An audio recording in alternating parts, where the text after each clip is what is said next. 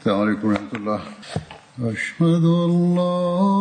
إله إلا الله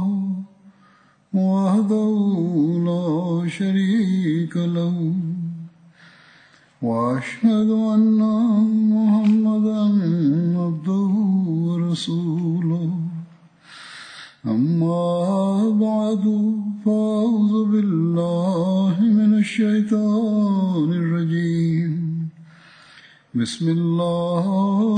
الرحمن الرحيم. الحمد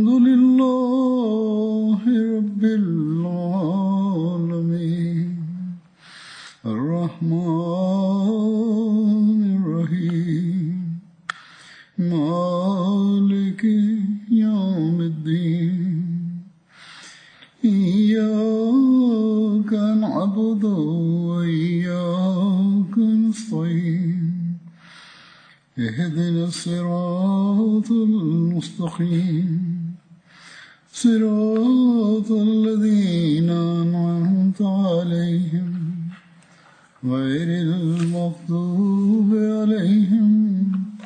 ولا الضالين 2022ခုနှစ်ဇူလိုင်လ၁ရက်နေ့မှာ Hazrat Amirul Mu'minin Khalifatul Masih Al-Khamis Ayyadahullahu Ta'ala bin Nasr Aziz ပြစ်မခလီဖာတခင်ကြီးကပြည်ထိုင်နိုင်ငံအစ္စလာမာဘတ်တယ်ဖိုရှိမူဘာရက်ဘလီဝေကျောင်းမှာဂျမာခွတ်ဘာမချခဲ့ပါတယ်အဲ့ဒီခွတ်ဘာမှာခလီဖာတခင်ကြီးကအပတ်စဉ်တင်ပြလျက်ရှိတဲ့ခွလ်ဖာရာရှီဒီန်တမန်တော်မြတ်ကြီးဆလလောလ္လဟ်အလัยဟိဝါစလမ်ရဲ့ခလီဖာကြီး၄ပါးတဲ့က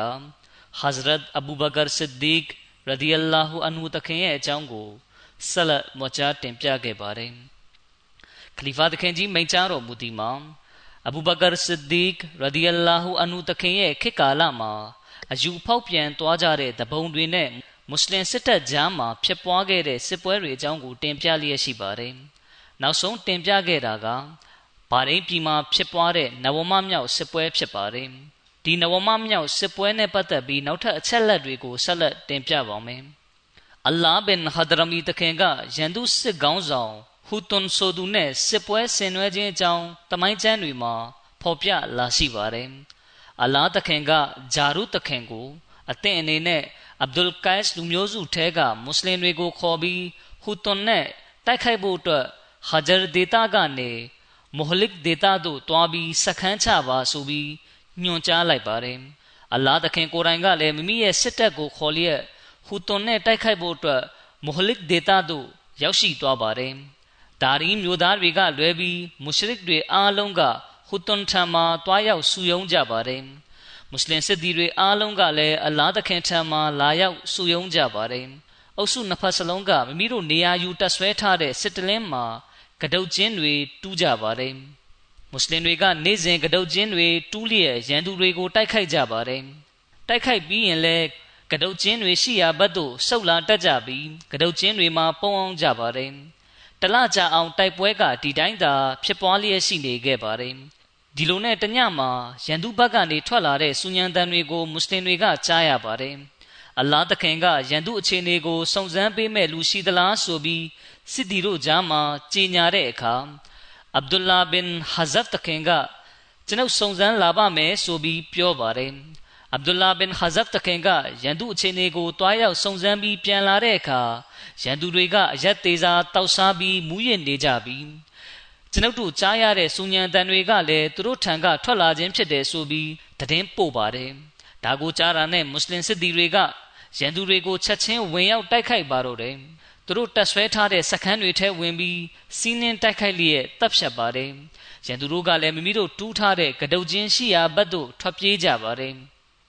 ထွက်ပြေးရင်းနဲ့အတော်များများကကဒုတ်ချင်းတွေထဲကျပြီးတေကုံကြတာလည်းရှိပြီးအတော်များများလည်းထွက်ပြေးလွတ်မြောက်သွားပါတယ်။ဒါပြင်ကြံတဲ့ရန်သူအတော်များများကကြောက်ရွံ့တုန်လှုပ်သွားကြပါတယ်။သူတို့ထဲကအချို့ဟာအသက်ခံရပြီးအချို့ကလည်းဖမ်းဆီးချုပ်နှောင်ခြင်းကိုခံရပါတယ်။မွတ်စလင်တွေကရန်သူတွေကြံခဲ့တဲ့ပစ္စည်းတွေရွက်ဖြင်တဲတွေနဲ့စခန်းတွေကိုတင်ပိုက်လိုက်ပါတယ်။ရန်သူတွေကသူတို့ကိုခန္ဓာနဲ့တွဲလျက်ရှိနေတဲ့ပစ္စည်းတွေလောက်ကိုသာယူပြီးထွက်ပြေးနိုင်ခဲ့ခြင်းဖြစ်ပါတယ်။ ရန်သူစစ်ကောင်းဆောင်တဦးဖြစ်တဲ့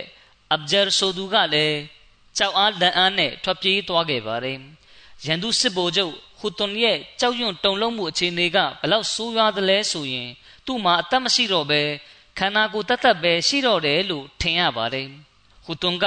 သူ့မြင်းရှိရာသို့ပြေးပါတယ်ဒါပေမဲ့မွတ်စလင်တွေကရန်သူမွရှရစ်တွေကိုထိမ့်ချုပ်ထားလိုက်ပြီးဖြစ်ပါတယ်ဟူတွန်ကကြောက်စိတ်ပြင်းထန်မှုကြောင့်တိစိတ်ကင်းမဲ့ပြီး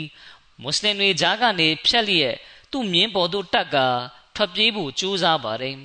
ဒါပေမဲ့သူကမြင်းပေါ်တက်ဖို့မြင်းချေနှင်းကိုတက်နှင်းနေဆိုရင်ပဲမြင်းချေနှင်းကပြတ်ထွက်သွားပြီးသူလဲကျသွားပါတယ်ဒီအခါကိုက်စပင်အာဆင်တခင်ကသူ့ကိုကွပ်မျက်ပြီးဂျဟန္နမ်သို့လာစေခဲ့ပါတယ်ရန်သူစခန်းတွေကိုရော စခန်းမှာရှိသမျှအရာအလုံးကိုပါတိမ့်ပိုက်ပြီးနောက်မှာမွတ်စလင်စစ်သည်တွေကကရုတ်ချင်းတွေထဲကထွက်ပြီးထွက်ပြေးသွားကြတဲ့ရန်သူတွေရဲ့နောက်သို့လိုက်ပါတယ်။ကိုက်စပင်အာဆင်တခင်နဲ့တက်ကအဘဂျာအနီးသို့ရောက်ရှိလာပါတယ်။အဘဂျာရဲ့စင်မြင်းကကိုက်စတခင်ရဲ့မြင်းထက်အလွန်အင်အားကြီးပါတယ်။ကိုက်စတခင်ကအဘဂျာကိုဖမ်းမမိမှဆိုးတာကြောင့်သူ့မြင်းရဲ့အနောက်ကိုမြားနဲ့ပြစ်ခတ်လိုက်ပါတယ်။မြားဆိုင်တယ်ဆိုရင်ပဲအဘဂျာရဲ့မြင်းကဒဏ်ရာပြင်းထန်စွာရသွားပါတယ်။ အဘဂျာကတော့ထွက်ပြေးခဲ့ပေမဲ့ဖမ်းမိသွားခဲ့ပါတယ်။စင်ပြန်ချက်တစ်ခုမှလာရှိချက်အရကိုက်စ်တခင်ကအဘဂျာရဲ့ဥကောင်းကိုမြားနဲ့ပြက်ခတ်တဲ့အခါမြားကအဘဂျာရဲ့ခေါင်းဆောင်ကိုထိုးဖောက်ပြီးဥကောင်းတစ်ဖက်ကနေထုတ်ချင်းပေါက်ထွက်သွားပါတယ်။တဖန်ကိုက်စ်တခင်ကအဘဂျာကိုဓာတ်နဲ့ခုတ်ပိုင်းလိုက်တာကြောင့်အဘဂျာကသွေးချင်းချင်းหนีရဲသွားခဲ့ပါတယ်။နနလင်းတဲ့အခါအလားတခင်ကရန်သူတွေထံကတင်းစီရမိတဲ့လက်ရပစ္စည်းတွေကိုမွတ်စလင်စစ်သည်တွေကြားမှာ ဝင်ငါပေးလိုက်ပါတယ်တိုက်ပွဲမှာအထူးရဲရင်မှုကိုပြသခဲ့ကြတဲ့စစ်သည်တွေကိုတေဆုံးသွားတဲ့ရန်သူစစ်ကောင်းဆောင်တွေရဲ့ဝိယုံတွေကိုပေးအပ်ခဲ့ပါတယ်အဲ့ဒီထဲမှာအဖီဘင်မွန်ဇာတခင်ကိုက်စ်ဘင်အာဆမ်တခင်နဲ့ဆူမာမာဘင်အိုဆာလ်တခင်စသူတွေကရန်သူခေါင်းဆောင်တွေရဲ့ဝိယုံတွေကိုရရှိခဲ့ကြပါတယ်ဆူမာမာတခင်ကဝိယုံကိုရရှိတဲ့အခါအဲ့ဒီဝိယုံကရန်သူစစ်ကောင်းဆောင် ဟူတွန်ရဲ့တန်ဖိုးကြီးအနက်ရောင်ဝိယုံဖြစ်နေပါတယ်။ဆူမာမာတခင်ကအဲ့ဒီဝိယုံကိုဝစ်စင်ပြီးအလွန်ဂုံယူဝင်ကြွားစွာလမ်းလျှောက်လေးရှိပါတယ်။ဒီစစ်ပွဲအောင်မြင်တဲ့အကြောင်းအဘူဘကာတခင်ထံစာရေးအကြောင်းကြားခဲ့ပါတယ်။အလ္လာဟ်တခင်ကအဘူဘကာတခင်ထံသို့ကတုတ်ချင်းတူပြီးတိုက်ခိုက်ကြတဲ့ရန်သူတွေကြာဆုံးသွားတဲ့အကြောင်းဇိုက်နဲ့မာမရုရဲ့လက်ချက်နဲ့ရန်သူစစ်ကောင်းဆောင်ဟူတွန်အသက်ခံရခြင်းအကြောင်းစတာတွေကိုစာရေးလျက်အတိပေးခဲ့ပါတယ်။ စာထဲမှာအခုလိုရေးထားပါတယ်အမာဘတ်ကြီးကျယ်ထွတ်မြတ်တော်မူသောဖျားသခင်အလရှမြတ်ကကျွန်တော်မျိုးတို့ရန်သူများ၏အတီတရားကို အမောင်ကျစေခဲ့သည်နေအခါတွင်သူတို့တောက်သောအရက်ကိုအကြောင်းပြုပြီးအရှင်မြတ်ကသူတို့၏အင်အားကိုရုပ်ရော့ကြာဆင်းအောင်ပြုခဲ့သည်ကျွန်တော်မျိုးတို့သည်ရန်သူကရုတ်ချင်းထဲသို့ခုန်ဆင်းခဲ့ကြပါသည်ကျွန်တော်မျိုးတို့သည်၎င်းတို့အားအရက်ကြောင့်မူးယစ်မေမျောနေသည်ကို တွေ့ခဲ့ရသည် ထို့ကြောင့်အချို့လူများမှအပါကြံလူများအားလုံးကိုကျွန်တော်မျိုးတို့တပ်ပစ်ခဲ့ပါသည်အလရှမြတ်ကဟူတွန်ကိုလည်းကျွန်တော်မျိုးတို့၏လက်ဖြင့်တည်စေခဲ့ပါသည်ဟဂျာဒေတာနှင့်အနီးဝန်းကျင်မြို့တွေကိုအလားသခင်ကတိမ့်ပိုက်နိုင်ခဲ့ပါတယ်ဒါပေမဲ့လည်းမြို့ကန်ပါရှင်သားတွေကမူအုပ်ချုပ်သူအစ်စ်တက်လာတာကိုစန့်ကျင်လျက်သာရှိခဲ့ကြပါတယ်ပါရှင်ဖာစီတွေကအများအဖြစ်အများပြည်သူထံလောက်ကျန်သတင်းလွှင့်လျက်အသင်တို့အနှဲငယ်အားထုတ်ပြီးစန့်ကျင်တော်လှန်ရုံဖြစ် မဒီနာသားတွေငါတို့ကိုလာရောက်မင်းမူအုပ်ချုပ်နေတာပပျောက်သွားလိမ့်မယ်ငါတို့ကိုကူညီဖို့အတွက်ဗိုလ်ချုပ်မဖရုခ်ရှေဘာနီကမိမိရဲ့တကလစ်နဲ့နာမီလူမျိုးစုထဲကစစ်သည်တွေကိုခေါ်ပြီးခြိတက်လာနေပြီဆိုပြီးပြည်သူလူထုကြားမှာဝါဒဖြန့်ပါတယ်ဒီလိုမမှန်သတင်းလွှင့်ခဲ့တဲ့အကြောင်းကိုအဘူဘကာတခင်ကသိရှိသွားတဲ့အခါအလားတခင်ထံဂုလိုစာရေးပါတယ်အပြတ်မောက်ကိုလိုလားသူတို့က ဘနူရှေဘာဘင်ဆာလီဘာလူမျိုးစုခေါင်းဆောင်မဖရုခ်ရှေဘာနီကမိမိစစ်တပ်ကိုခေါ်ဆောင်လာလျက်အသင်တို့ကိုတိုက်ခိုက်ဖို့လာနေပြီဆိုသည့်သတင်းကိုလွှင့်ခဲ့ကြောင်းကျွန်ုပ်သိရပြီထိုသတင်းကသာအမှန်ဖြစ်သည်ဆိုလျှင်သူတို့ကိုဟန်တားဖို့အတွက်ထွက်ခွာပါပြီးနောက်သူတို့အတင့်မရဲအောင်ကောင်းစွာတက်လန့်ပါသူတို့ကိုအားပေးကူညီနေသည့်လူမျိုးစုတွေကိုလည်းဘယ်တော့အခါမျှခေါင်းမထောင်ဝင့်အောင်သတိပေး၆လန့်မှုများပြုလုပ်ပါ အယူဖောက်ပြန်တဲ့တပုံတွေကိုဒါရင်းမြို့မှာစုယုံလာကြပါတယ်အယူဖောက်ပြန်တဲ့တပုံတွေကဒါရင်းမြို့မှာစုယုံလာကြပါတယ်အဲ့ဒီအကြောင်းကိုတမိုင်းပညာရှင်အချို့ကမိမိတို့ရဲ့တမိုင်းကျမ်းတွေမှာရေးသားဖော်ပြကြပါတယ်ဒါရင်းစစ်ပွဲကအဘူဘကာတခင်ရဲ့ခလာဖတ်ကာလမှာဖြစ်ပွားခဲ့တဲ့စစ်ပွဲဖြစ်ဖော်ပြကြပါတယ်အချို့တမိုင်းပညာရှင်တွေကတော့ဒါရင်းစစ်ပွဲဟာအိုမာတခင်ရဲ့ခလာဖတ်ကာလမှာဖြစ်ပွားတဲ့စစ်ပွဲဖြစ်ကြောင်းဖော်ပြကြပါတယ် မိတို့ဆိုစေတပုံတွေကဒါရင်းမှာလာရောက်စုယုံပြီးစစ်ရေးပြင်ဆင်ကြပါတယ်ဒါရင်းဆိုတာကပါရှင်အီရန်နယ်စပ်မှာရှိတဲ့ကျွန်းဆွယ်တစ်ခုရဲ့နာမည်ဖြစ်ပြီး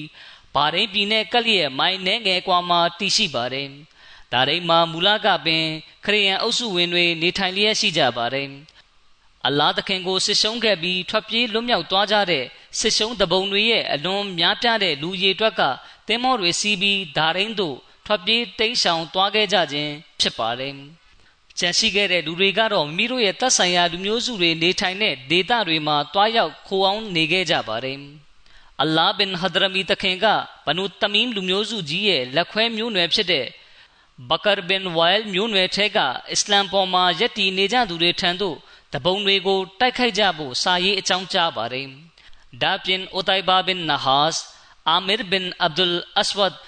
စတဲ့မွတ်စလင်ခေါင်းဆောင်တွေထံသို့လည်းအလာသခင်ကအသင်တို့ယခုရောက်ရှိနေတဲ့နေရာမှာပင်တက်ဆွဲထားပါအောင်လန်တိုင်းလန်တိုင်းမှာတပုံတွေကိုတိုက်ခိုက်ဖို့အဆောင်တက်တွေကိုထားရှိပါဆိုပြီးစာရေးအကြောင်းကြားပါတယ်ဒါရင်မကအလာသခင်ကဘစ်မာတခင်ထံသို့အသင်ကိုယ်တိုင်ဥဆောင်လျက်စစ်တီတွေကိုခေါ်ကာရှေ့တက်ပြီးတပုံတွေကိုထိုးစစ်ဆင်ပါဆိုပြီးစာရေးညွှန်ကြားပါတယ်နောက်ပြီးအလာသခင်ကခတ်ဖာတိုင်မီတခင်နဲ့ မုဆန်နာဘင်ဟာရီဆာရှေဘာနီတခင်စတဲ့စစ်သူကြီးနှစ်ဦးထံသို့လည်းသူတို့အနေနဲ့တပုံတွေကိုတိုက်ခိုက်ကြဖို့စာရေးလမ်းညွှန်လိုက်ပါတယ်။ဘာရင်ပြည်မှာအယူဖောက်ပြန်ကြသူတွေရဲ့တပုံထခြင်းမိကိုနှိမ့်သက်တဲ့နေရာမှာမုဆန်နာဘင်ဟာရီဆာတခင်ကအလွန်ကြီးမားတဲ့အခမ်းကဏ္ဍကနေပါဝင်ဆောင်ရွက်ခဲ့ပါတယ်။မုဆန်နာတခင်ကမိမိရဲ့စစ်တပ်နဲ့အတူအလာဘင်ဟဒရမီတခင်ကိုအကူအညီပေးခဲ့ပြီးဘာရင်ပြည်ကနေမြောက်ပိုင်းဒေသဘက်သို့ ခြိတက်ထွက်ခွာလာခဲ့ပါတယ်။မုဆန်နာတခင်ကကတီဖ်နဲ့ဟာဂျာဒေတာကိုတိမ့်ပိုက်ပါတယ်။ပြီးနောက်တခင်ကမိမိလှုပ်ဆောင်ရမယ့်တိုက်ခိုက်ရေးလုပ်ငန်းစဉ်ထဲမှာပဲမြုပ်နှံထားခဲ့ပါတယ်။ဒီလိုနဲ့နောက်ဆုံးမှာပါရှင်ဖာရစီစစ်တပ်နဲ့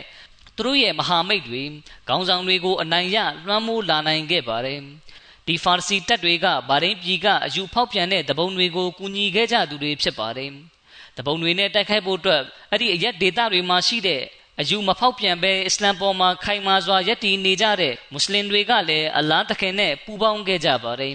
မွတ်စလင်စစ်သည်တွေကမြောက်ပိုင်းဒေသဘက်သို့ခြိတက်လာခဲ့ကြပါတယ်အဘူဘကာတခင်ကမုဆန်နာတခင်နဲ့ပတ်သက်ပြီးမေးမြန်းတဲ့အခါဂိုင်စ်ဘင်အာဆင်တခင်ကသူဒီတူရတတိမရှိသူတင့်မြတ်လျော်ကံမှုမရှိသူနဲ့ရင်ကျေးမှုမရှိသူတယောက်မဟုတ်ပဲအလွန်ထူးခြားပြောင်မြောက်သောကိုရီကိုသွေးများကိုပိုင်ဆိုင်ထားသူတဦးဖြစ်ပါသည် ထိုသူမှာမုဆန်နာဘင်ဟာရီဆာရှေဘာနီဖြစ်ပါသည်ဆိုပြီးဖြေချခဲ့ပါတယ်မုဆနာတခင်ကတပုံတွေကိုဟန်တားဖို့အတွက်လမ်းစုံလမ်းခွမှာရပ်ပြီးစောင့်ကြက်နေခဲ့ပါတယ် အယူဖောက်ပြန်သူတပုံတွေထဲကအချို့ကလည်းတောက်ပါဝင်ချတောင်းပန်မှုပြုလျက်အစ္စလာမ်ထဲသို့ပြန်လဲဝင်ရောက်လာခဲ့ပါတယ်သူတို့ရဲ့မွတ်စလင်ဖြစ်လာမှုကိုလည်းလက်ခံခဲ့ပါတယ်အချို့အယူဖောက်ပြန်သူတွေကတော့တောက်ပါမပြုတ်လုံနိုင်ကြောင်းညင်းပယ်ခဲ့ကြပြီးအယူဖောက်ပြန်ခြင်းပေါ်မှာသာခေါင်းမာစွာယက်တီနေခဲ့ကြပါတယ်ဒီလိုကြောင့်သူတို့ကိုသူတို့နေရမပြန်ဖို့ဟန်တားခဲ့ပါတယ်ဒါနဲ့သူတို့ကလည်းလာယာလန်တိုင်းပြန်လှည့်သွားခဲ့ရပါတယ် ပြီးနောက်မှာသူတို့လည်းတင်မောတွေစီးပြီးဒါရင်းတို့ရောက်ရှိသွားခဲ့ပါတယ်ဒီလိုအဖြစ်အလရှမြတ်ကအယူဖောက်ပြန်သူအားလုံးကိုတနေရာထဲမှာစူးစီးစေခဲ့ပါတယ်အလ္လာဟ်သခင်ကရန်သူမုရှရစ်တို့နဲ့တိုက်ခိုက်ရာစစ်မြေပြင်စခန်းမှာသာရှိပါသေးတယ်အဲ့ဒီချိန်မှာဘကာဘင်ဝိုင်လ်ထန်တို့စာရေးထားတာက ပြန်စာကိုလက်ခံရရှိပါတယ်စာထဲမှာမူလကအယူဖောက်ပြန်သွားကြသူတွေဟာအလ္လာဟ်ရဲ့အမိန့်တော်တွေကိုလိုက်နာကျင့်သုံးပါမယ်ဆိုတဲ့အကြောင်း အရှင်မြတ်ရဲ့သာသနာတော်ကိုကူညီပါမယ်ဆိုတဲ့အကြောင်းစတာတွေကိုရေးသားထားပါတယ်အလ္လာဟ်သခင်ကအယူဖောက်ပြန်ရာကနေမွတ်စလင်ဖြစ်လာကြသူတွေထံကတပုံမထတော့မယ့်အကြောင်းစစ်မှတ်တိုက်ခိုက်တာတွေမလုပ်တော့မယ့်အကြောင်းသိရှိသွားခဲ့ပါတယ်။ဗာရင်ပြည်ကနေအလားသခင်ထွက်ခွာပြီးနောက်မှာလည်းဗာရင်ပြည်မှာတပုံထမှုတွေစူပူတောင်းညမ်းမှုတွေဖြစ်ပေါ်လာမှာမဟုတ်ကြောင်း၎င်းတို့ကဂရိကဝတ်ပြုကြပါတယ်။ ဒီခါမွတ်စလင်တွေအားလုံးဒါရင်းဘတ်သို့တွားတင်ကြောင်းအလားသခင်ကပြောပါတယ်။ပြီးနောက်မှာအလားဘင်ဟဒရမီသခင်က၎င်းမွတ်စလင်တို့ကိုဒါရင်းသို့ထွက်ခွာကြဖို့တိုက်တွန်းခဲ့ပါတယ်။အလားဘင်ဟဒရမီသခင်နဲ့သခင်ရဲ့စစ်တပ်ကပင်လယ်ကိုဖြတ်ကျော်ရတဲ့အခြေအနေနဲ့ကြုံတွေ့ခဲ့ရပါတယ်။အဲ့ဒီပင်လယ်ကိုဖြတ်ကျော်ခြင်းဖြစ်ရက်က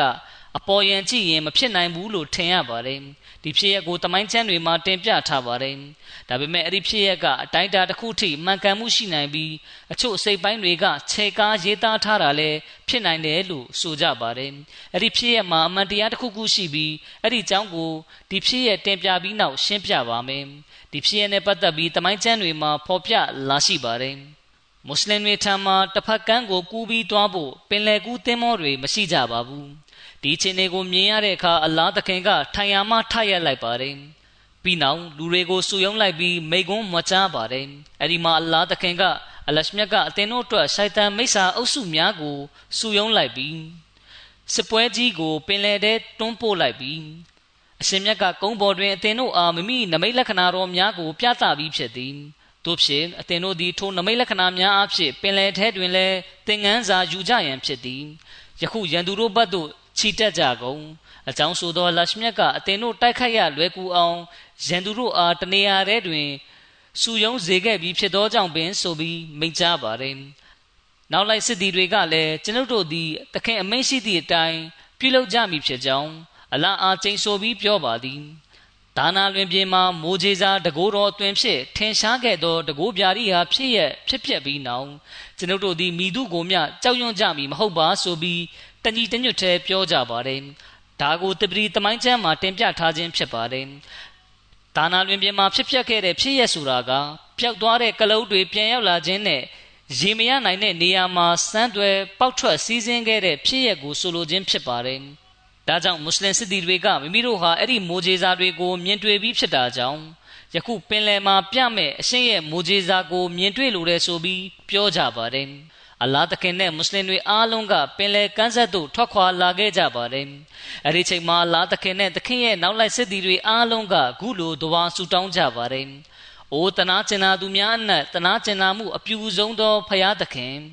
နူးညံ့တိမ်မွေ့စွာဆက်ဆံတော်မူပြီးကျေးဇူးပြုတော်မူသောရှင်လွန်စွာခွင့်လွတ်တီးခံတော်မူသောရှင်တပါးဤတည်တဲ့တော်မူသောရှင်လူလားတောင့်တခြင်းကင်းတော်မူသောရှင်အသက်ရှင်လျက်ရှိတော်မူပြီးအခြားသူများကိုလည်းအသက်ရှင်စေတော်မူသောရှင်တေဆုံးသူများကို ရှင်သန်စေသောရှင်ကိုတော်တိုင်ရှင်သန်တော်မူပြီးအခြားရာများနှင့်အခြားသူများကို အသက်ပေးတော်မူသောရှင် ကိုတော်တိုင်ယက်တည်တော်မူပြီးအခြားရာများနှင့်အခြားသူများကိုယက်တည်စေတော်မူသောရှင်အိုကျွန်တော်မျိုးတို့အားဖန်ဆင်းမွေးမြူတော်မူသောရှင်အရှင်မြတ်မှတပါအခြားခောက်ကိုကိုးကွယ်ခြင်းခံထိုက်သူမရှိပါဒဝါဆူတောင်းပြီးနောက်မှာအလားသခင်ကမိမိရဲ့နောက်လိုက်စစ်သည်တွေကိုအသင်တို့အားလုံးဒီဒဝါဆူတောင်းကိုဖတ်ရွတ်ပြီးမိမိတို့အစည်းအဝေးများနဲ့အတူပင်လယ်ထဲသို့ဆင်းကြပါဆိုပြီးမိန့်ကြားပါတယ် စစ်သူကြီးအားလုံးကမိမိတို့ရဲ့ခေါင်းဆောင်အလားသခင်ရဲ့နောက်ကနေလိုက်ပြီးမိမိတို့ရဲ့အစည်းအဝေးတွေဖြစ်ကြတဲ့မြင်းမြီးလာကလုတ်အစရှိတဲ့တရိษံတွေပေါ်မှာစီးနှင်းလျက်ပင်လယ်ထဲသို့ဆင်းကြပါတယ်အလရှမြရဲ့တကူတော်ဖြစ်ထိခိုက်သေးဆုံးမှုမရှိဘဲတစ်ဖက်ကမ်းသို့ဖြတ်တန်းသွားနိုင်ခဲ့ကြပါတယ်ပမာအားဖြင့်ပင်လယ်ကိုဖြတ်ခြင်းကရေလောင်းထားတဲ့တဲပေါ်ကနေလမ်းလျှောက်ဖြတ်တန်းနေရတယ်လို့ခံစားရပါတယ်ကလုတ်တွေရဲ့ခြေထောက်တောင်ရေထဲနှစ်ချင်းမရှိပါဘူး ပင်လယ်ထဲမှာမွတ်စလင်တွေရဲ့ပစ္စည်းဥစ္စာတစ်ခုတလေမျှပင်ပျောက်ဆုံးသွားခြင်းမရှိပါဘူးပစ္စည်းတစ်ခုနစ်မြုပ်ပျောက်ဆုံးသွားတယ်ဆိုပြီးစစ်မြန်ချက်တွေမှာဖော်ပြထားပေမယ့်တဘာရီအဲ့ဒီပစ္စည်းကိုလည်းအလားသခင်ကပြန်ယူလာနိုင်ကြောင်းဖော်ပြထားပါတယ်ဆဟလ်အရက်ကနေဒါရင်းပြည်သို့တင်းမောတွေနဲ့ဖြတ်ရင်တရက်နဲ့တညကြာတယ်လို့သိရပါတယ်ဒါပေမဲ့အလားသခင်နဲ့စစ်တပ်ကြီးကတော့တရက်ထဲမှာပင်အချိန်တိုတွင်ဖြတ်ကူးသွားခဲ့ကြပါတယ် အခုတင်ပြခဲ့တဲ့အကြောင်းကိုတိပရီတမိုင်းကျမ်းမှာဖော်ပြထားခြင်းဖြစ်ပါတယ်အချို့ခေတ်သစ်တမိုင်းပညာရှင်တွေကဒီဖြစ်ရပ်ကိုရှင်းလင်းဖွင့်ဆိုမှုတွေလည်းပြုထားကြပါတယ်ခေတ်သစ်တမိုင်းပညာရှင်တွေရေးသားထားကြတာကပင်လယ်ကိုဖြတ်ချိန်ကပါရှင်ပင်လယ်မှာဒီရေကျပြီးတောင်ထွန်းခဲ့တာကြောင့်ဖြတ်ကူးနိုင်ခြင်းဖြစ်ရင်ဖြစ်ဒါမှမဟုတ်ခြေကားပြောဆိုထားခြင်းဖြစ်နိုင်တယ်။ဒါပြင်ဒေတာကန်တွေထံကပင်လယ်ကူးသင်းမောတွေ သို့မဟုတ်ရွက်လေတွေရရှိပြီးပင်လယ်ကိုဖြတ်ကူးနိုင်ခဲ့တာလည်းဖြစ်နိုင်တယ်။မိတို့ဆိုစေဒီဖြစ်ရနဲ့ပတ်သက်ပြီးတမိုင်းစင်ပြချက်တွေမှာအသေးစိတ်ဖော်ပြထားတာမရှိပါဘူး။တမိုင်းပညာရှင်အသီးသီးကဒီဖြစ်ရကိုဖော်ပြထားတဲ့စင်ပြန်ချက်ကိုမှန်ကန်ကြောင်းရေးသားကြပြီးပင်လယ်ကိုဖြတ်ကူးခဲ့တာကိုလည်းဖော်ပြကြပါတယ်။ဒါရင်းမျိုးတို့မွတ်စလင်တွေရောက်ရှိသွားတယ်ဆိုရမှာတော့တန်တရားဖြစ်ဖွယ်မရှိပါဘူး။ဘယ်လိုရောက်ရှိသွားသလဲဆိုတာကိုတော့အလာဒါလင်းအကောင်းဆုံးသိရှိတော်မူပါတယ်။ ဒီဖြစ်ရမှာမိုးကြီးစားတကုန်းနမိတ်အတွင်ကိုဆောင်တဲ့အခန်းကဏ္ဍအကြောင်းကိုတင်ပြလိုပါတယ်မွတ်စလင်မာဦးရဒီအလာဟူအန်ဟူတခင်ကမိမိရေးသားပြုစုတဲ့ tafsir ကုရ်အာန်အကျယ်ဒီကာကျမ်းမှာတမန်တော်မူဆာလိုင်စလမ်ရဲ့ဖြစ်ရပ်ကိုရှင်းလင်းထားပါတယ်။ဒါအဖြစ်အခုဖြစ်ရပ်ကိုကောင်းစွာနားလည်သိရှိနိုင်ပါတယ်။ဒါကြောင့်မွတ်စလင်မာဦးရဒီအလာဟူအနုတခင်ရဲ့တမန်တော်မူဆာနဲ့ပတ်သက်တဲ့ရှင်းလင်းဖွင့်ဆိုချက်ကိုတင်ပြပါမယ်။ မွတ်စလင်မာဦးရဒီအလာဟူအနုတခင်ကတမန်တော်မူဆာနဲ့နောက်လိုက်တွေပင်လယ်ကိုဖြတ်တဲ့အခါပင်လယ်ကွဲတဲ့ဖြစ်ရဲ့ပေါ်ပေါက်ခြင်းရဲ့သဘောတရားအမှန်ကိုရှင်းလင်းလျက်ရေးသားခြင်းဖြစ်ပါတယ်။အဲ့ဒီဖြစ်ရဲ့ကိုကျမ်းမြတ်ကုရ်အာန်မှာဖော်ပြထားပြီးအဲ့ဒီဖြစ်ရဲ့ကိုမွတ်စလင်မောက်ရဒီအလာဟူအနုတခင်ကလည်းရှင်းလင်းထားခြင်းဖြစ်ပါတယ်။မွတ်စလင်မောက်ရဒီအလာဟူအနုတခင်ရေးသားပါတယ်။ကျမ်းမြတ်ကုရ်အာန်ကတင်ပြသောတင်ပြချက်အလိုရာ ထိုဖြစ်ရဲ့ပေါ်ပေါက်ခဲ့သောအခြေအနေမှာဤသို့ဖြစ်ကြောင်းထင်နိုင်စရာရှိပါသည်။ယင်းမှာပရိအစ္စရာအီလူမျိုးစုကတန်ရှင်းသောနေမြေမှထွက်ခွာသွားသောအချိန်တွင်အနောက်ဘက်မှဖေရောင်နှင့်သူ၏စစ်တပ်ကလိုက်လာသည်ဖေရောင်လိုက်လာသည်ကိုတွေ့သောအခါဗနီအစ္စရာအီလူမျိုးစုကအလွန်ကြောက်လန့်တုန်လှုပ်သွားကြပြီးယခုတော့မိမိတို့အဖမ်းခံရပြီဟုတွေးထင်ယူဆကြသည် သို့သောအလရှမြတ်ကမူဆာနဗီကို စကားပြောဆိုခြင်းဖြင့်၎င်းတို့အားစိတ်ကျေနပ်အေးချမ်းအောင်ပြုပေးခဲ့သည်အလရှမြတ်ကမူဆာနဗီအားအသိလက်ကင်တို့ဖြင့်ပင်လယ်ကိုရိုက်ပါဟုမိန့်ကြားလေသည်ထို့သောပင်လယ်ကိုရိုက်ခြင်းရလက်ဖြင့်ပင်လယ်မှာတွာလာ၍ရသောလမ်းတစ်ခုပေါ်လာသည်ယင်းလမ်းမှမူဆာနဗီနှင့်သူ၏နောက်လိုက်တို့ကဖြတ်သွားခဲ့ကြသည်သူတို့၏ဘေးနှစ်ဖက်တွင်အလွန်မြင့်မားသောရေတောင်ကြီးရှိနေသည်ကိုတွေ့ရပြီးသူတို့ကယင်း၏အလဲမှ ဖြတ်သွားကြခြင်းဖြစ်သည်ဖီရောင်နှင့်သူ၏စစ်တပ်ကနောက်မှလိုက်လာနေသည်တို့ရတွင်ဗနေအစ္စရာအီလူမျိုးစုကဘေးကင်းလုံခြုံစွာတစ်ဖက်ကမ်းသို့ရောက်ရှိချိန်တွင်နှစ်ချမ်းကွဲနေသောရေကပြန်ဆက်သွားသည်ထို့ကြောင့်ဖီရောင်နှင့်သူ၏နောက်လိုက်အီဂျစ်သားတို့မှရေထဲနစ်သွားခဲ့ကြသည်ယခုဤဖြစ်ရနှင့်ပတ်သက်၍နားလည်ထားရမည့်အချက်မှာဂျမ်မြတ်ကုရ်အာန်၏မိန့်ကြားချက်အရမိုဂျေဇာဟုသည်မြအလရှမြတ်ဘတ်မှလာရောက်ခြင်းဖြစ်ကြောင်း ယင်း၌မိသည့်လူသားတဦးတယောက်၏ပါဝင်ပတ်သက်မှုများမရှိကြောင်းသိရှိရသည်သူဖြစ်ရာမူဆာနဗီကလက်ကင်ဒုတ်ကိုကင်ပြီးပင်လယ်ကိုရိုက်ခြင်းကသင်္ကေတသဘောတစ်ခုမျှသာဖြစ်သည်ထို့သောမဟုတ်ဘဲမူဆာနဗီလက်ကင်ဒုတ်ကပင်လယ်နှချမ်းကွဲသွားခြင်း၌တစုံတရာပါဝင်ပတ်သက်မှုရှိသည်ဟုဆို၍မရနိုင်ခြင်းထို့ပြင်မှတ်သားရမည့်နောက်ထပ်အချက်တစ်ခုမှာပင်လယ်နှချမ်းကွဲသွားပြီးယင်းမှမူဆာနဗီကထွက်သွားခြင်းဖြစ်သည်ဟု၍ ကျမ်းမြတ်ကုရ်အာန်၏မိသည့်နေရာတွင်မှဖော်ပြထားခြင်းမရှိခြင်းထိုဖြစ်ရနှင့်ပတ်သက်ပြီးကျမ်းမြတ်ကုရ်အာန်ကစကားလုံးနှစ်ခုကိုအသုံးပြုထားပါသည်စကားလုံးတစ်ခုမှာဖာရာကဖြစ်ပြီးနောက်တစ်ခုမှာအင်ဖာရာကဖြစ်သည်ယင်းစကားလုံးနှစ်ခုစလုံး၏အတိတ်ဘယ်မှာခွဲခွာခြင်းကွဲကွာခြင်းဟူ၍ဖြစ်သည်သူဖြစ်ရာကျမ်းမြတ်ကုရ်အာန်၏စကားလုံးအရဆိုလျင်ပနိအစ္စရာအီတို့ကပင်လယ်ကိုဖြတ်တန်းချိန်တွင်ရေကခွဲခွာသွားကြောင်းတတ်သေးရရှိပေသည် ဆိုလိုဒီမှာပင်လယ်ရေကကမ်းမှခွာသွားပြီးဖြစ်သည်ထို့နောက်ရေမရှိတော့ဘဲတောင်ထွန်းလာသောကြောင့်ယင်းမှဗနီအစ္စရာအီတို့ကဖြတ်တန်းသွားခြင်းဖြစ်သည်နပိုလီယံ၏အထုပ်ပတိစာအုပ်တွင်ရေးသားထားသည်မှာနပိုလီယံကအီဂျစ်ကိုတိုက်ခိုက်သိမ်းပိုက်ချိန်၌သူနှင့်သူ၏စစ်တပ်သည်ပင်လယ်နီမှဒီရေကျချိန်တွင်ဖြတ်ကျော်ခဲ့သည်ထို့သောပင်လယ်နီကိုဖြတ်တန်းရင်းဖြင့်ဒီရေတက်ချိန်ရောက်ရှိလာပြီးတီတီလေးအသက်ဘေးမှလွတ်မြောက်သွားခဲ့ခြင်းဖြစ်သည် တို့ဖြစ်ရာတမန်တော်မူဆာ၏ဖြစ်ရတွင် အလရှမြတ်ပြသောမိုဂျေဇာတကိုးပြာရီဟာမှာအလရှမြတ်ကဗနီအစ္စရာအီတို့အားဒီရေချချိန်တွင်ပင်လယ်ကမ်းဆက်သို့ရောက်ရှိစေခဲ့ခြင်းဖြစ်သည်မူဆာနဗီကလက်ကင်ဒုတ်ဖြစ်ပင်လယ်ကိုရိုက်ချိန်မှာပင်အလရှမြတ်ကပင်လယ်ရေကိုကမ်းမှစတင် ခွာစေခဲ့ခြင်းဖြစ်သည်ဖီရောင်နှင့်သူ၏စစ်တပ်ကပင်လယ်ထဲသို့ဆင်းလာချိန်မှာတော့သူရှိမှအလွန်အံ့ဖွယ်ကောင်းသည့်အဟံတားများပေါ်ပေါက်လာခဲ့သည်ဖီရောင်နှင့်သူ၏စစ်တပ်ကအလွန်နှေးကွေးသောအလင်းနှုံးဖြင့်မူဆာနဗီနောက်သို့လိုက်ခဲ့ခြင်းဖြစ်သည်ဖီရောင်နှင့်သူ၏စစ်တပ်ကပင်လယ်ကိုဖျက်ကျော်နေချိန်မှာပင်ဒီရီတက်လာခဲ့ပြီးသူတို့အားလုံးပင်လယ်ထဲနစ်မြုပ်သွားခဲ့ကြသည်ပင်လယ်တွင်ဒီအတက်ကြကပုံမှန်ဖြစ်နေကြကိစ္စဖြစ်သည် ဒီရေကြချိန်ဆိုလျင်ရေကကန်းဆက်မှအလွန်ဝေးသောနေရာထိ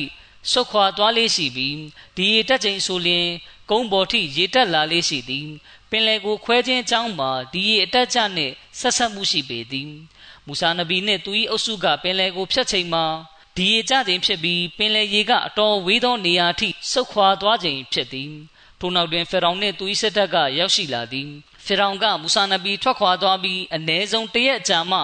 နောက်ကလိုက်လာခဲ့ခြင်းဖြစ်သည်ဖီရောင်ကပင်လယ်ကမ်းဆက်သို့ရောက်ရှိချိန်တွင်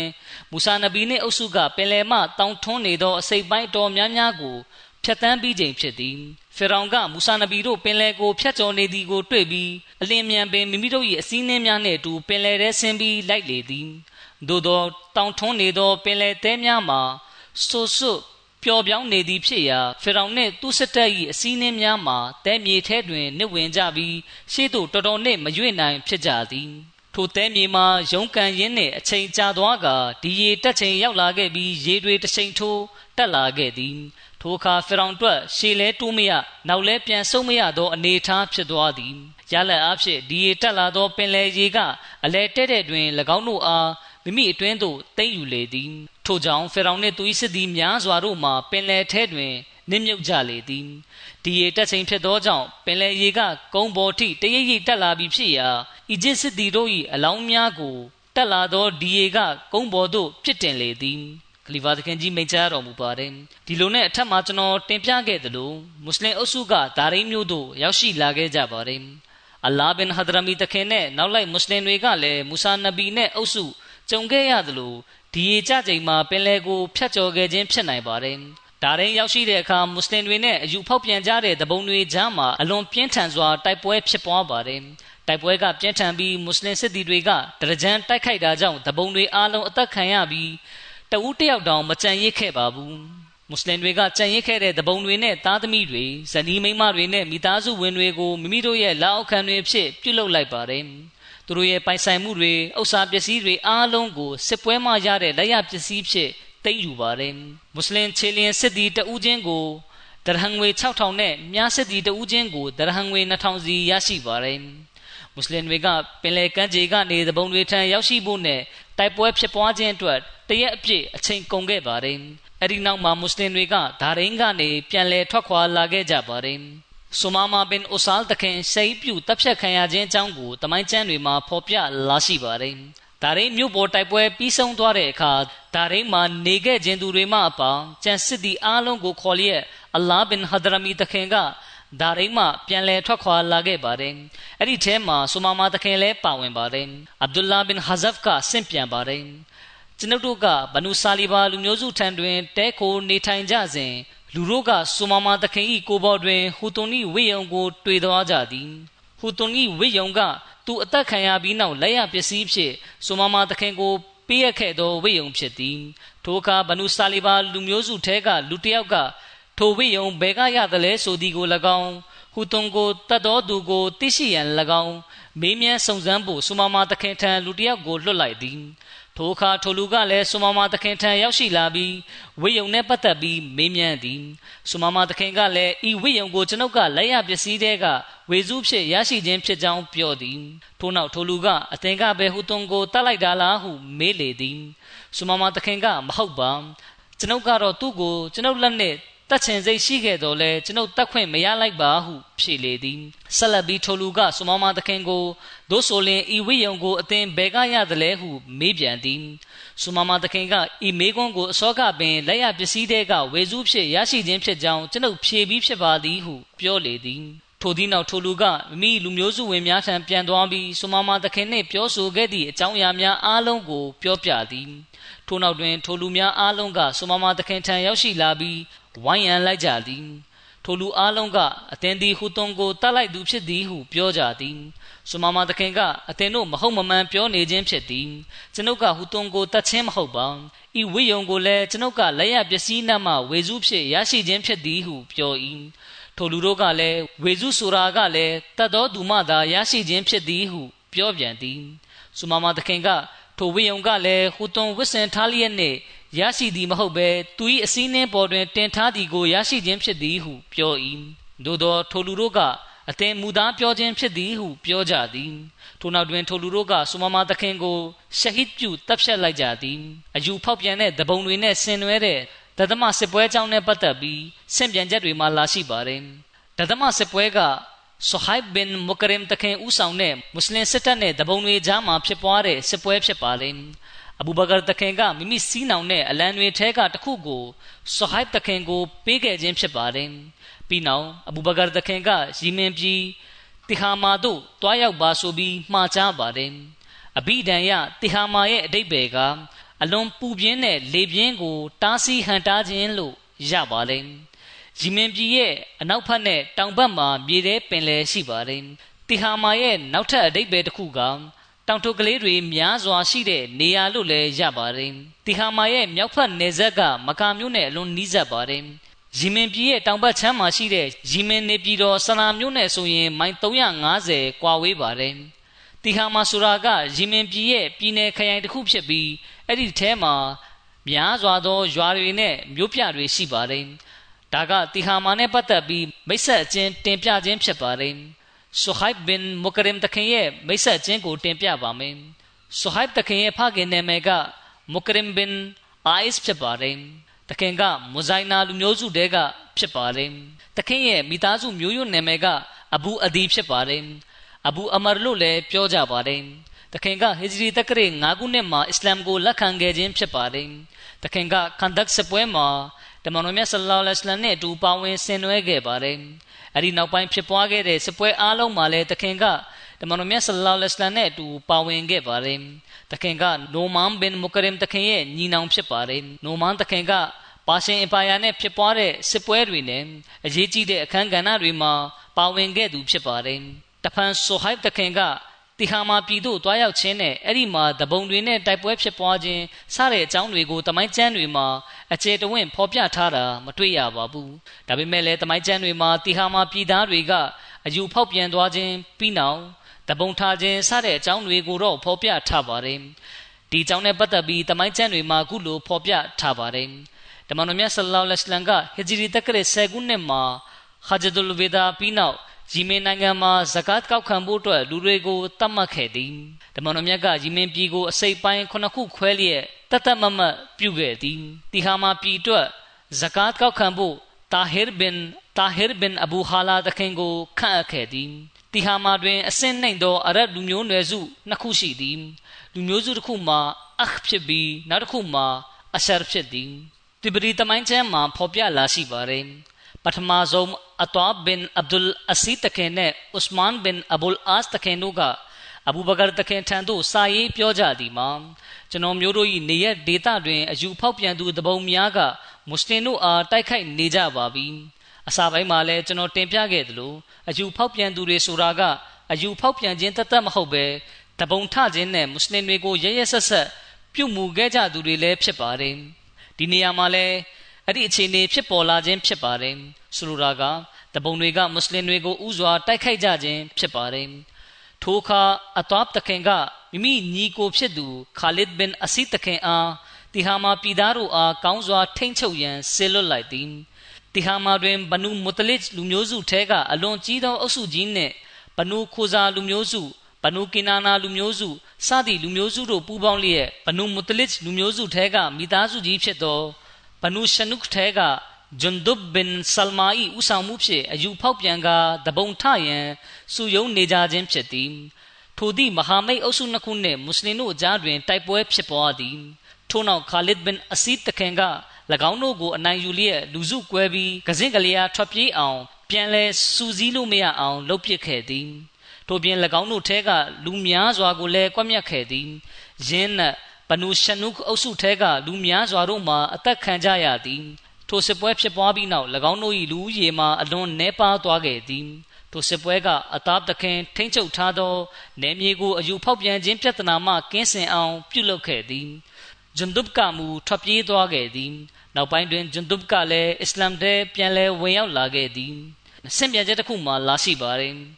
တမန်တော်မြတ်ဆလ္လာလဟ်အလိုင်းကွယ်လွန်ပြီးနောက်တွင်တီဟာမာပြည်၌တပုံထမှုအများဆုံးပြုလုပ်ခဲ့သူများမှာ အခလူမျိုးစုနှင့်အရှရလူမျိုးစုပင်ဖြစ်သည်၎င်းတို့ကတမန်တော်မြတ်ဆလ္လာလဟ်အလိုင်းကွယ်လွန်ကြောင်းသတင်းရရှိသောအခါ၎င်းတို့ထဲကလူများစွာတို့သည်စုယုံလိုက်ကြသည်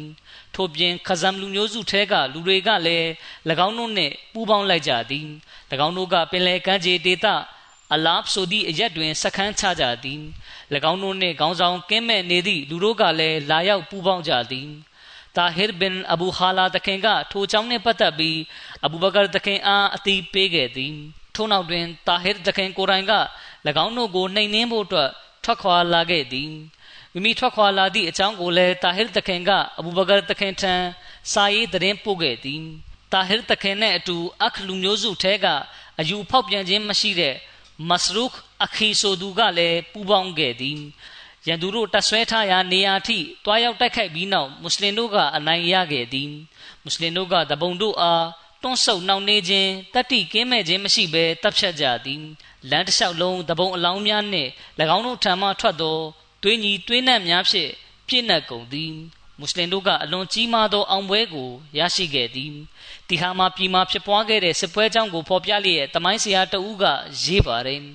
တီဟာမှာပြည်တွင်တပုံထမှုကိုနှိမ်နင်းရ၌တ မန်တော်မြတ်ဆလ္လာလဟ်အလိုင်းကတီဟာမှာပြည်အုပ်ချုပ်သူဖြစ်ခန့်အပ်ခဲ့သောတာဟစ်ဘင်အဘူခါလာတခင်ကအထူးဖော်ပြအပ်သူဖြစ်သည်တီဟာမှာဆိုဒီမှာအခလူမျိုးစုနှင့်အရှာလူမျိုးစုတို့နေထိုင်ရာမြို့လဲဖြစ်သည်ထို့နောက်အဘူဘကာတခင်ကအိုကာရှာဘင်ဆောတခင်ကိုတီဟာမှာပြည်သို့တွားရန်ထိုပြည်သားများနှင့်အစ္စလမ်ပေါ်တွင်ယက်တီနေသူများကိုစူးစီးလျက်မိမိထံမှအမိန့်ကိုစောင့်ဆိုင်ဖို့ညွှန်ကြားခဲ့သည်။ ဥကာရှာသခင်ကတမန်တော်မြတ်ကွယ်လွန်ချိန်မှာဟာဒရလ်မော့ပြည်နယ်မှစကာစီဒေတာနှင့်စကွန်ဒေတာစသည့်ဒေတာနှစ်ခုကိုအုပ်ချုပ်ရသည့်ခေါင်းဆောင်ဖြစ်ခန့်အချင်းခံရသူဖြစ်သည်။အဘူဘကာသခင်ကဘဂျီလာလူမျိုးစုထံသို့ဂျရီဘ်ဘင်အဗ်ဒူလာဘဂျလီတခင်ကိုတဖန်ပြန်လွတ်ခဲ့ပြီးအစ္စလမ်ပေါ်မှာကောင်းစွာယက်တီနေကြသူတို့နှင့်ပူးပေါင်းလျက်ထိုအရက်တွင်အယူဖောက်ပြန်ပြီးတပုံထနေကြသူများကိုတိုက်ခိုက်ရန်အမိန်ပေးခဲ့သည် စစ်ပွဲပြီးနောက်တွင်ခဆမ်လူမျိုးစုထံသို့တွားရန်နှင့်ထိုလူမျိုးစုထဲကအယူဖောက်ပြန်ပြီးတပုံထနေကြသူများကိုတိုက်ခိုက်တပ်ဖြတ်ရန်ညွှန်ကြားခဲ့သည်ဂျဇီးတခင်ကလည်းမိမိတို့တိုက်ခိုက်ရမည့်ဒေသသို့ထွက်ခွာလာခဲ့ပြီးအဘူဘကာတခင်ညွှန်ကြားခဲ့သည့်အတိုင်းဆောင်ရွက်သည်သူ့ကိုလွတ်သောဒေတာမှလူတို့အားခေါ်ယူတော်လဲလူနှဲငယ်မပမိသူများလာရောက်ပူပေါင်းခြင်းမရှိပါဘူး တို့ရတွင်ဂျဇီးတခင်ကလူနှဲငယ်နှင့်ပင်တပုံတို့အားတိုက်ခိုက်လျက်သူတို့အားထွက်ပြေးရအောင်ပြုခဲ့သည်စစ်ပွဲတွေအကြောင်းကိုတင်ပြနေလျက်ရှိပြီးနောက်ခါမှာ၁၁ခုမြောက်စစ်ပွဲကိုဆက်လက်တင်ပြပါမယ်အခုကျွန်တော်အနေနဲ့ကွယ်လွန်သူတချို့အကြောင်းကိုတင်ပြလိုပါတယ်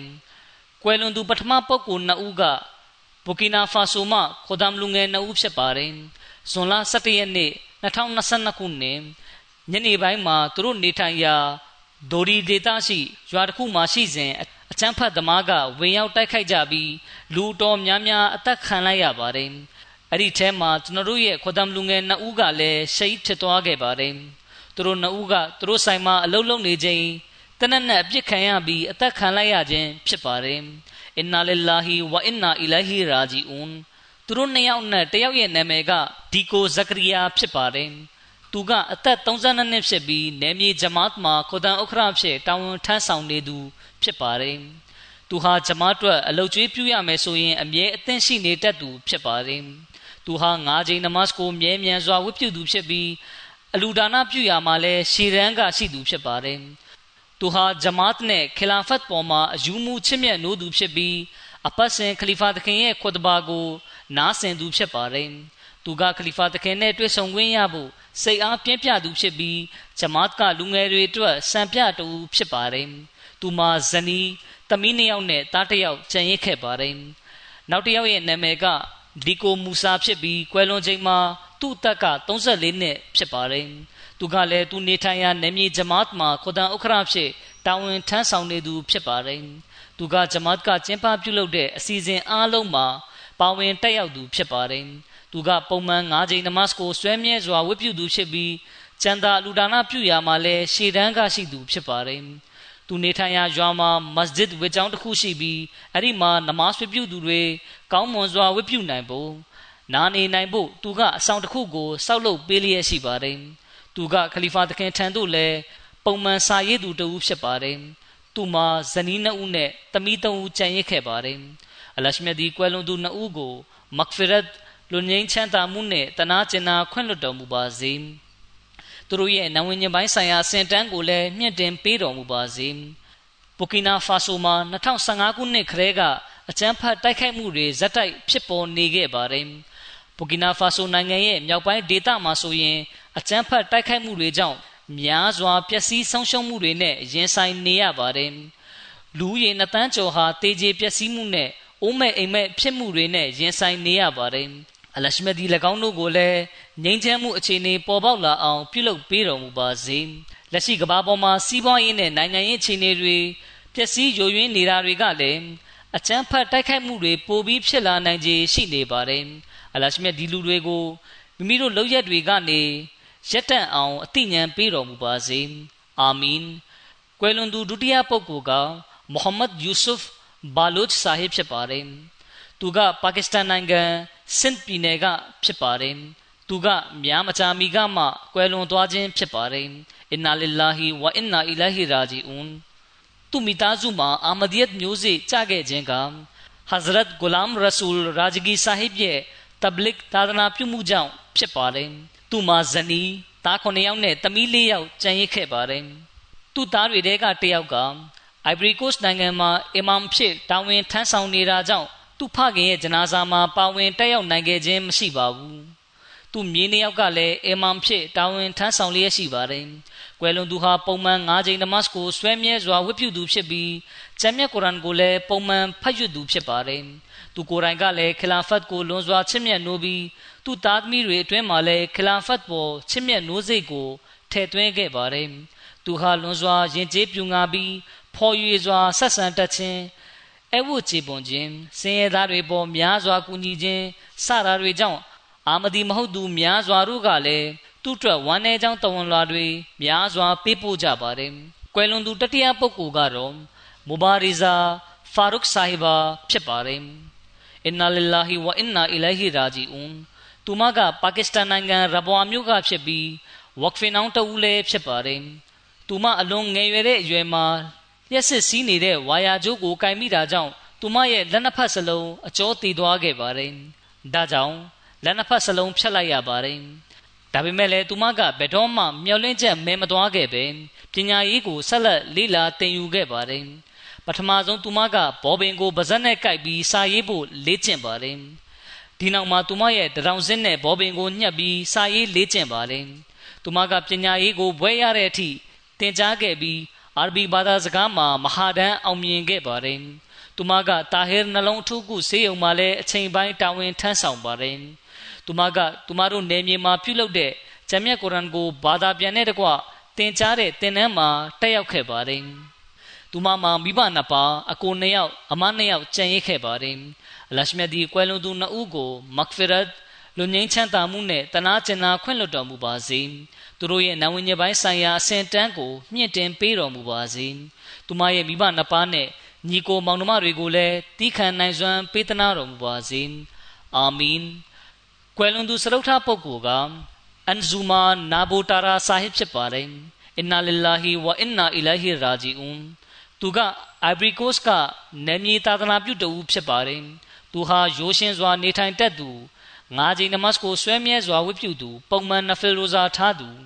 ဖြူစင်စိတ်ထားရှိသူစတဲ့အရေးသွေးတွေကိုပိုင်ဆိုင်ထားသူတူဖြစ်ပါတယ်သူကဒွါဆူတောင်းခြင်းမှာဆွဲလန်းသူနဲ့ခလာဖတ်ကိုအယူမူချစ်မြတ်နိုးသူဖြစ်ပါတယ်သူကအိမ်မက်တစ်ခုကိုအခြေခံပြီးအာမဒီယတ်ကိုလက်ခံခဲ့သူဖြစ်ပါတယ်အိမ်မက်ထဲမှာသူမြင်တာကသူဟာနာစီယာမီရှိရွာသို့သွားဖို့ တောနတ်ကြီးတစ်ခုတည်းကနေဖျက်လျှောက်လာနေပြီးလက်ထဲမှာကင်ထားတဲ့ဓားနဲ့မျက်တွေကိုရှင်းလင်းလျက်နှုတ်ကလည်းကလီမာကိုရွတ်နေပါတယ်အဲ့ဒီအိမ်မက်မြင်မပြီးနောက်အာမဒီသာသနာပြုတဦးဖြစ်သူအူမာမူဟတ်ဆာဟစ်ကနာစီယာရွာသို့ရောက်လာပြီးသာသနာပြုပါတယ်သူကိုယ်တိုင်ကလည်းနာစီယာသို့ရောက်ရှိနေပါတယ်အဲ့ဒီမှာအာမဒီသာသနာပြုထံကနေဂျမာတ်ရဲ့တရင်စကားကိုကြားတာနဲ့ဘိုင်ယတ်ယူလျက်အာမဒီယတ်ထဲဝင်ရောက်လာခဲ့ပါတယ် ဒီသတင်းစကားကိုလက်ခံဖို့အတွက်အလရှမြတ်ကအိမ်မက်အားဖြင့်အတီးပေးခြင်းဖြစ်တယ်ဆိုပြီးသူကပြောပါတယ်နောက်ပိုင်းမှာသူကသူ့အိမ်ကိုပင်နမတ်ဝပြုရာမစဂျစ်ဝေချောင်းဖြစ်ပြုလုပ်လျက်အခြားသူတွေကလည်းသူ့ကိုနမတ်ကိုသင်ကြားပေးပါတယ်ဘိုင်ယူပြီးချိန်ကစလို့ဂျမာတ်မှာဝကဖ်ပြုလုပ်လျက်မွာလင်ဖြစ်တာဝန်ထမ်းဆောင်ခဲ့ပါတယ်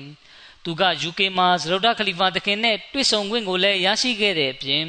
MTA ရုပ်မြင်တန်ကြားကနေထုတ်လွှင့်တဲ့ပြင်သစ်လူမျိုးများနဲ့တွေ့ဆုံခြင်းအစီအစဉ်မှာလည်းစရုထခလီဖာသခင်နဲ့အတူပါဝင်ခွင့်ရရှိခဲ့ပါတယ်2004ခုနှစ်မှာပစ္စမခလီဖာသခင်က Ivory Coast နိုင်ငံသို့ရောက်ရှိလာတဲ့အခါမှာလည်းခလီဖာသခင်နဲ့တွေ့ဆုံခွင့်ရရှိခဲ့ပါတယ်။သူကယောဂပြင်းထန်ခံစားရပြီးစေယုံတက်ကုသမှုခံယူချိန်မှာအိမ်မက်တစ်ခုမြင်ပါတယ်။အိမ်မက်ထဲမှာခလီဖာသခင်ကသူ့ဦးခေါင်းကိုပုတ်တက်ပေးလိုက်တာ သူ့မှာရှိတဲ့ယောဂအားလုံးပျောက်သွားတယ်လို့မြင်မှတ်ပါတယ်အိမ်မက်မြင်မပြီးနောက်မှာအမှန်တကယ်ပဲသူ့ယောဂအားလုံးပျောက်ကင်းသွားခဲ့ပါတယ်သူဟာခလာဖတ်ပေါ်မှာအပြည့်အဝတစ္ဆာရှိသူဖြစ်ပါတယ်အလရှမြတ်ကကုလိုတစ္ဆာရှိသူတွေကိုမစီမောဒလိုင်စလန်တခင်ရဲ့ဂျမားတွက်အလွန်ဝေးလံလာတဲ့နေရာဒေသတွေမှာနေထိုင်လျက်ရှိကြသူတွေအားဖြင့်တောင်ချီးမြှင့်လျက်ရှိပါတယ်အခုလိုဂျမာတ်ပေါ်တစ္ဆာရှိသူတွေကို နောင်ခါမှာလဲအလရှမြတ်ဂျမာတ်တွက်ပေးသနာတော်မူပါစေအလရှမြတ်ဒီကွယ်လွန်သူ၅ဦးအားတနာကျင်နာတော်မူလျက်မဂ်ဖီရတ်ခွင့်လွတ်ချမ်းသာပြုပေးတော်မူပါစေသူတို့ရဲ့နာဝင်ခြင်းပိုင်းဆိုင်ရာအစဉ်တန်းကိုလည်းမြင့်တင်ပေးတော်မူပါစေကြံရစ်ခဲ့တဲ့သားသမီးတွေကိုလည်းကြံ့ကြံ့ခံလျက်ယက်တီနိုင်စွမ်းပေးသနာတော်မူပါစေသူတို့ရဲ့သားသမီးတွေကလည်းသူတို့အတိုင်းကောင်းမှုပွားများအားထုတ်သူတွေဖြစ်ကြပြီးဂျမာတ်နဲ့ခလာဖတ်ပေါ်မှာ နောက်ဆုံးထွက်သက်တိုင်းတစ္ဆာစောင့်တည်သူတွေဖြစ်နိုင်ကြပါစေအာမင် الحمد لله الحمد لله نحمده ونستعينه ونستغفره ونؤمن به ونتوكل عليه